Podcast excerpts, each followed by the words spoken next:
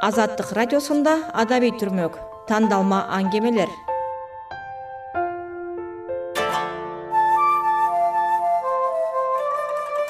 Пенде баласынын кыялынан учкул эч нерсе жок болсо керек. Саламатсыздарбы?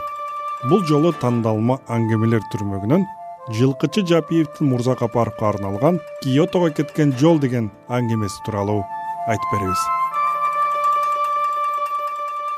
кийин чоңойгондо киотого бармак болуп үч ирет камынып жолго чыккан. Узак сапар баратып жолдон кара көлгө азгырылып ошол жерден буйдалып киотого барбай калган. Кара көл мактаса мактоо жарашуу бир керемет жер экен. Эличи баяу десең акылдуу. Бирөөгө жамандык ойлобогон башкача бир дүйнө экен. Мындайды буга чейин окуган бир да китебинен кезиктирген эмес. Кичине айыл айта берсең узун кепке арзыгыдай кызык турмуш кечирген кызык жер тура. Жазында жаңгактын сөйкө байлаганын көрдү. Ошол жерден бала кезинде апасы төркүндөрүнө ээрчитип барганын эстеди. Апасы бүбү кемпирге алып барган чүкөдөй кемпир ага күбүрөп шыбырап жыландын баш сөөгүн тумар кылып мойнуна иле берген. Бүбү кемпир да табышмактуу жерде жашайт экен. Коктунун баш жагында үстү ылай жабылган жепиреген кара там болчу эмнегедир эшиги күн чыгышты карап турганын байкаган. Кокту ылдый кеткен үйлөрдүн көбү жапырайган жалпак кара шыбак тамдар экен. Балага ушул кооздук жакты. Апасы баласын ээрчитип алып көнөчөгүн алдына коюп эчки саап аткан чыканактай кемпирдин жанына келип токтогон. Качан жанындагы баласын ээрчиткен аялды абай салып карап апей сенин белең деп атпайбы кемпир бели болбой калганын ушу эчкилер менен оокат кылып атканын куураганча какчыраган эски эшикти ачып ным көк жыттанган үйүнө баштап кирди. Апасы кемпирге баласына дуба окутканы алып келгенин айткан. Кемпир окуйм окуп берем жээңгеби деп күйпөлөктөп калды. Ошол жерден чүкөнү алып оң сол колуна калчап үкүнүн канатын анын бурчтагы сандыгын ачып ак ак таштан тизилген теспесин алып жайланып отуруп көзүн ачып жумуп эрдин бүлкүлдөтүп дубасын окуп кирди дуба окулуп атканда баланын жөтөлүгү чөп кирсе болобу. Бүбү кемпир курсагынан шайтандары чыгып жатканын айтып күбүрүн уланта берди. Тестиер шайтандар эмнеге ичине кирип алганына акылы жетпей турду. Кетеринде баланын өзүнө дуба окуп анысы көпкө жанбай жүрөт өмүрүңө жетет деген. Кийин жолдо келатып бала айланасын карап гүлдөрдүн ушунчалык көптүгүнө аңкыган абага тойбой бир башкача толкунданып алды эле мындан кийин эне бала үн катышпай сокмо жолдо баратышты балага бул аябай кооз көрүндү. Жолдо ката көпөлөктөр толуп тура экен. Миң миң түрү болсо керек. Бири учуп бири конуп калдыркандары кызыл тазыл гүл окшоп кетет. Учуп жүргөн жандуу гүл кейпинде. Же бул көпөлөктөр өздөрү тирүү гүл болушу мүмкүн. Бул бала ушуну туйду табияттан өздөрү жакта деле көпөлөктөр көп бирок мынчалык кооз эмес. Мындайды көрбөгөн апасы жолдо келатып балалык кездеги бир окуяны эстеди. Мектепте окуп жүргөн кези бой тартып калган кыздар айтташмакчы болуп коктунун башындагы үйдөн аягына чейин киришкен.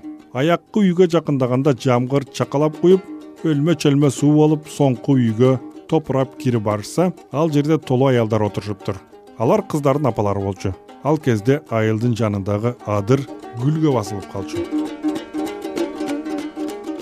Эле салууга себеп деле жок бул чөлкөмдө жер боорундагылардын эң көбү гүл буркураган жыпарын чачкан түркүнчөп тоо таш зоокалар асман тиреп турганы менен адамдар жүргөн жерлери жылчыгы жок чөпкө басылган. А кышкысын айлана тегеректи бүтүндөй чылк кар каптап калат.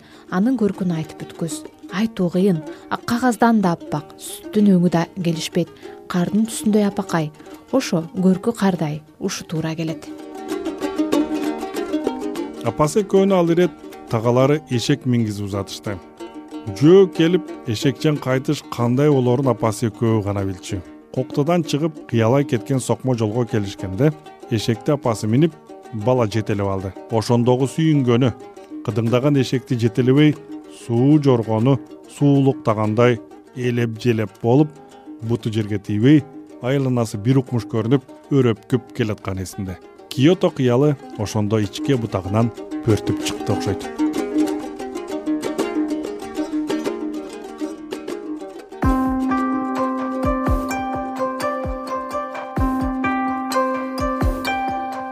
кара көлдө көп турбай кийин киотого арыстанбап аркылуу бармай болду. Ал жерде эки түнөп сары сапар алды кыялына келбеген сулуулукту аркыттан көрүп сүрөтчү болбой калганына чындап өкүндү. Көлгө жакын айылдагы кемпир чалдын үйүндө жатып алардын ашып кетпеген өлүү дүйнөсүнө каният кылып пейили ток жашап аткандарына ыраазы болуп бул жердегилердин жашоо турмушуна кызыгартты кызык айыл экен. Мурда милициясы болуптур ал кембагал иши жок ээригип шаарга кетип калыптыр.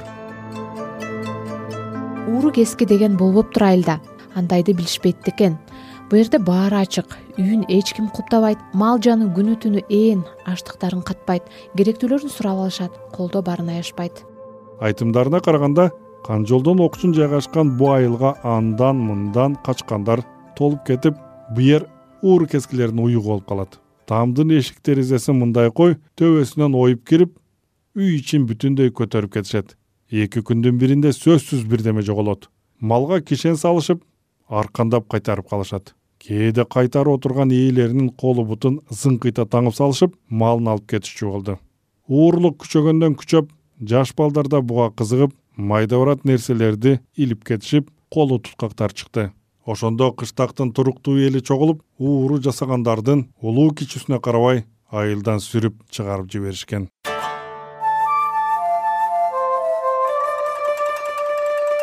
Алардын айрымдары иштин чатак жагына ооп баратканын байкашып өздөрү көчүп кетишкен тоң моюндарын күчкө салып кууп жиберишкен кайда барсаң анда бар кайдан келсең оондо бар дешкен.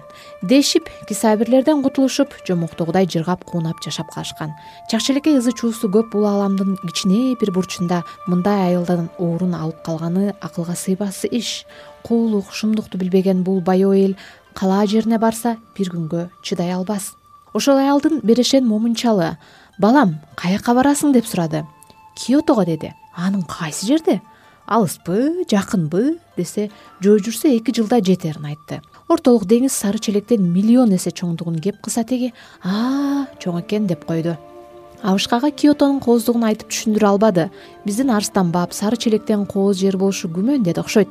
Чал кемпирге мунун шаарда калган аялы уулу менен кызы эмне иш кылаары кызык көрүндү. Тар жерге тыгылбай бул жерге көчүп келгиле баарыңарды батырабыз дешти бул жарыкчылыктан өтүп кеткен ата энесинен кийин ушундай жылуу кээ укканына ыраазы болуп шаарга келгенде аялы менен балдарына айтса тигилер асман айдан кетип жуутушпады. Сары челек турганда киото эч жака качпас деди. Мынабу дүйнөдө сейрек кездешчү кереметти элге айтып берейин деп чечти. Ошону менен экинчи ирет кыялын чындыкка айлантуу аракети жоопсуз калды.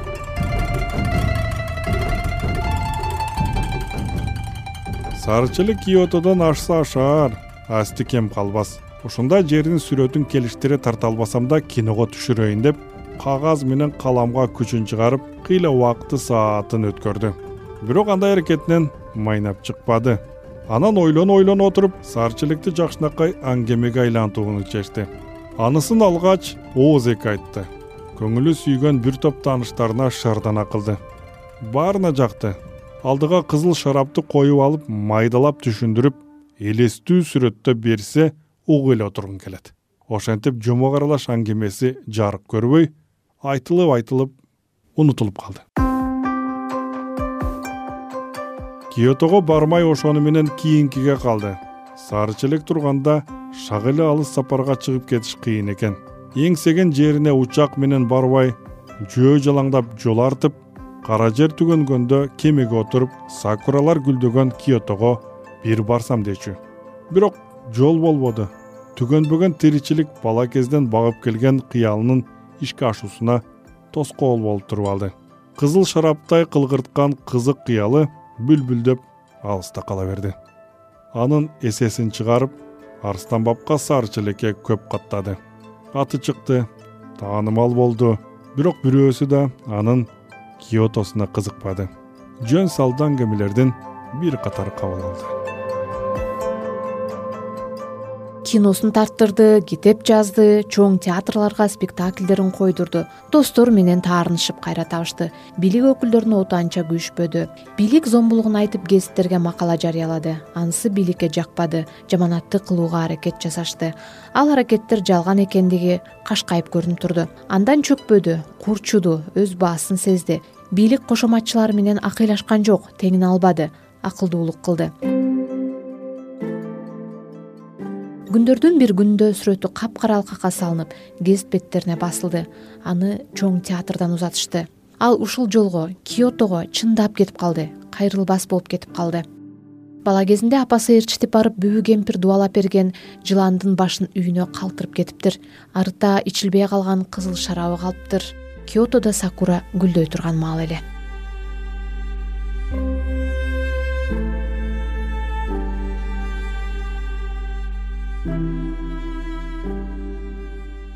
бала кезинен гүлдөр менен көпөлөктү жакшы көргөн жаны киотону арстанбаптан сарчылыктын тапканын сезбеди окшойт.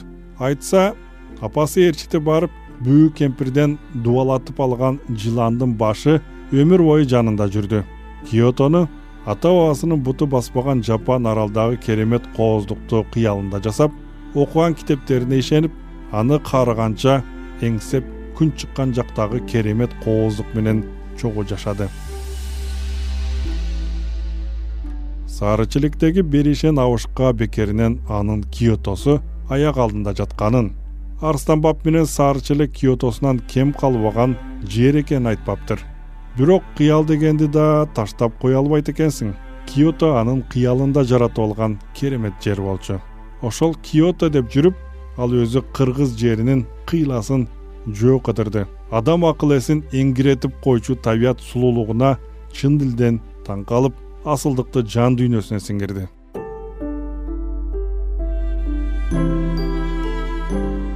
Жылкычы жапиев бекеринен киотого кеткен жол аңгемесин каламдаш агасы мурзагапаровго арнаган эмес.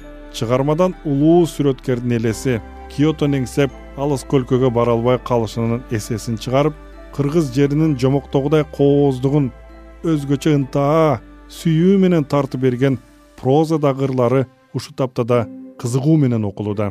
Өтүмдүү чыгармалар катары кайрадан басылууда. Киотого ашык сүрөткердин ар бир чыгармасынан назик сезим кылдары учкул кыялдын кемесинде калкыган ар кыл тагдырларды пенде жашоосунун керемет жыргалы сезилип турат. Жазуучу үчүн өзү ачып алган көркөм дүйнөдөн мыкты нерсе жоктур. Жылкычы жапиевдин каламдаш агасынын элесине арналган аңгемесинин чоо жайы мына ушундай.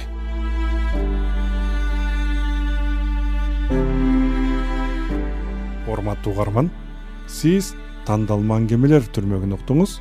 Аны даярдаган бектеш шамшиев текстин окуган сабыр абдымомунов тандалма аңгемелер подкастын баардык платформалардан издеп угуңуз ар бир чыгарылышта биз бир аңгемеге кеңири токтолобуз